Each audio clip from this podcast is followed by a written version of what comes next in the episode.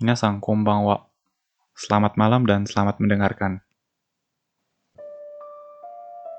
Ada anak anggota klub fotografi di sebuah SMA di desa yang lumayan terpencil gitu ya. Anak ini dia suka sama anak perempuan di sekolahnya dia itu.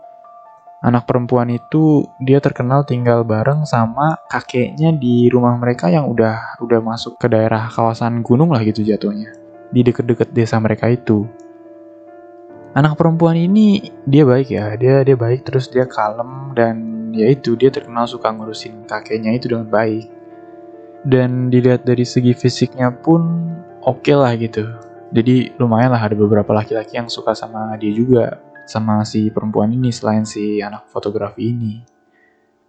Tapi yang benar-benar mepetin si perempuan ini istilahnya kayak attack banget gitu ya. Itu ya si anak fotografi ini Terutama dia sering banget minta anak perempuan ini buat jadi model di karya fotografinya itu. Ya intinya modus ini itulah. Singkat cerita mereka jadian. Anak ini, si anak fotografi ini, dia berhasil dapetin hati si perempuannya itu. Dan setelah ngelewatin kehidupan sehari-hari gitu ya, di persekolahan mereka yang lumayan panjang, udah waktunya buat mereka buat mutusin jalan hidupnya masing-masing. Jadi mereka udah lulus gitu ya, tinggal melanjut ke mana gitu. Si laki-laki ini dia mau ke Tokyo. Dia mau ke Tokyo nyari kerjaan sebagai fotografer di ibu kota. Dan dia ngajakin si perempuan ini buat ke Tokyo bareng dia, ninggalin desanya itu. Tapi si perempuan ini dia jawab kalau di rumahnya dia itu ada kakek yang harus dia urus. Kakeknya juga udah tua dan kakek nggak bisa ditinggalin gitu aja gitu. Nah, si laki-laki ini ngedengar jawaban dari dianya itu, dia keceplosan kayak gini. Dikit-dikit kakek, dikit-dikit kakek, kurang-kuranginlah kebiasaan apa-apa kakeknya itu. Kira-kira kayak gitu.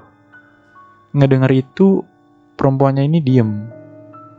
Terus laki-lakinya juga kayak sadar gitu ya, dia ngerasa bersalah dan dia minta maaf ke perempuannya itu dan dan dia nyerahin semua keputusannya itu ke perempuannya itu jadi terserah dia mau ikut atau enggak. Yang penting semuanya itu gak ada paksaan dan kalau berangkat pun dia mau dengan suasana yang senang gitu ya. Dan akhirnya si perempuan ini dikasih waktu buat dia mikir. Waktu hari di mana si laki-lakinya ini mau berangkat ke Tokyo, ninggalin desanya itu gitu ya. Tiba-tiba perempuannya itu datang ke rumahnya. Rumahnya si laki-lakinya ini. Aku ikut sama kamu. Gitu katanya. Terus laki-laki itu bingung karena terlalu dadakan gitu. Terus dia tanya kayak, kakek kamu? Kakek kamu gimana? Terus si perempuan ini jawab kayak, nggak apa-apa kok, kakek sekarang lagi tidur. Kakek nggak akan bangun dalam waktu dekat, jadi nggak apa-apa. Ngedengar jawaban perempuannya itu, di sini si laki-lakinya punya perasaan yang agak nggak enak gitu ya. Dan akhirnya entah gimana ceritanya, mereka sampai ke rumah si perempuannya ini si laki-lakinya itu langsung masuk ke rumah tuanya si perempuan ini yang ada di dalam gunung itu. Dan benar dia ngelihat ada mayat kakeknya itu. Tergeletak dalam keadaan berdarah-darah dan di dadanya itu ada pisau nancep ke jantungnya. Di belakangnya dia persis, si perempuan ini cuma senyum-senyum sambil bilang, Shh, kakek lagi tidur. Ayo kita pergi ke Tokyo. Dan anak laki-laki ini gak tahan dia lari dari rumah itu ninggalin perempuan ini dan dia langsung berangkat ke Tokyo. Gak pakai acara ngajak-ngajak si perempuannya itu lagi. Setelah beberapa tahun di Tokyo, kerjaannya dia juga udah lumayan lancar dan dia punya kehidupan di kota besar itu. Dan lagi hari-hari kayak gitu berlangsung, suatu hari dia dapat undangan reunian. Reunian klub fotografi ternyata.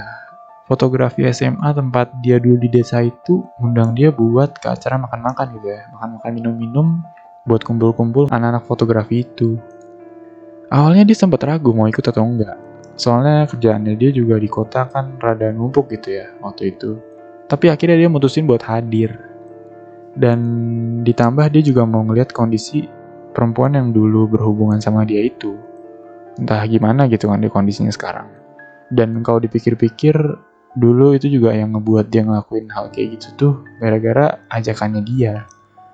Jadi nggak salah juga kalau dibilang dia yang ngebunuh kakek dari si perempuan itu. Dan akhirnya dia ke desa itu. Waktu dia udah sampai di desanya itu, dia langsung ke tempat makan di mana para anggota mantan klub fotografinya itu pada ngumpul. Suasana di reunian itu bisa dibilang meriah gitu ya. Klub mereka juga terkenal dengan klub yang lumayan solid lah gitu. Jadi udah bertahun-tahun gak ketemu juga, pertemanan mereka itu kayak baru baru SMA kemarin aja gitu. Padahal udah hampir 10 tahun. Kenangan-kenangan masa sekolah juga mereka pada inget satu-satu rinci gitu. Mulai dari ngejatuhin lensa ke dalam sungai lah, motretin anak kelas yang lagi tidur lah, pernah menang lomba foto di ini itulah. Pokoknya mereka kayak masih hidup di masa muda mereka itu semuanya. Dan di situ dia nyelipin pembicaraan tentang perempuan yang pernah dia sukain dulu, kayak Kalian masih ingat gak sih sama si ini, ini yang pernah gue minta jadi model fotografi gue? Dan jawaban dari mereka semua itu kayak, Hah? Siapa? Gak tahu tuh. Iya, gue juga gak tahu. Ya pokoknya mereka semua gak tahu gitu. Bahkan anak yang barengan sama dia ngambil foto si perempuan itu juga gak inget kalau ada anak perempuan kayak gitu. Loh aneh, kok giliran ditanya tentang perempuan itu, mereka semua kayak gak ada inget sama sekali. Tapi setelah pulang dari acara reunian itu, rasa penasarannya dia makin jadi gitu ya sama perempuannya itu. Dia akhirnya mutusin buat stay dulu beberapa hari di desa itu sambil nyari tahu kabar tentang si perempuannya itu. Dan hari itu dia bermalam. Besokan harinya, dia seharian keliling desa nanya sana-sini tentang keberadaan perempuan itu. Dan anehnya, gak ada satupun tuh yang tahu. Dan kok bisa sih gitu satu desa nggak ada yang masih inget tentang perempuan itu. Ke mana dia sekarang gitu kan. Sampai dia ketemu sama salah seorang nenek di desa itu yang yang katanya tahu tentang si perempuannya itu. Tapi lebih tepatnya tahu tentang cerita si perempuan itu. Jadi dulu emang ada seorang perempuan yang ngebunuh kakinya sendiri demi bisa ikut sama kekasihnya dia ke ibu kota. Cerita itu emang beneran ada. Tapi itu cerita tentang 80-an tahun yang lalu. Bahkan si nenek ini juga dengernya dari ibunya dia. Jadi itu nggak mungkin cerita di zamannya si anak fotografer ini. Dan masa iya sih? Masa iya yang dibilang nenek itu bener? Jadi dia mastiin sendiri ke rumah si perempuan itu. Dia dia masih ingat gitu ya, dikit-dikit lah tentang lokasi si rumah perempuannya itu. Dan waktu dia sampai ke sana, dia udah sampai gitu ya, dia udah yakin itu tempatnya, yang ada cuma tanah kosong. Gak ada tuh kayak bekas bangunan dibangun, cuman ada tanah landai yang ditutupin rumputan yang udah layu gitu. Jadi, dulu itu dia pacaran sama orang di zaman kapan? Apa jangan-jangan dia pacaran sama orang beda dimensi? Dan di situ dia sadar kalau hubungannya dia selama ini itu hubungan supernatural.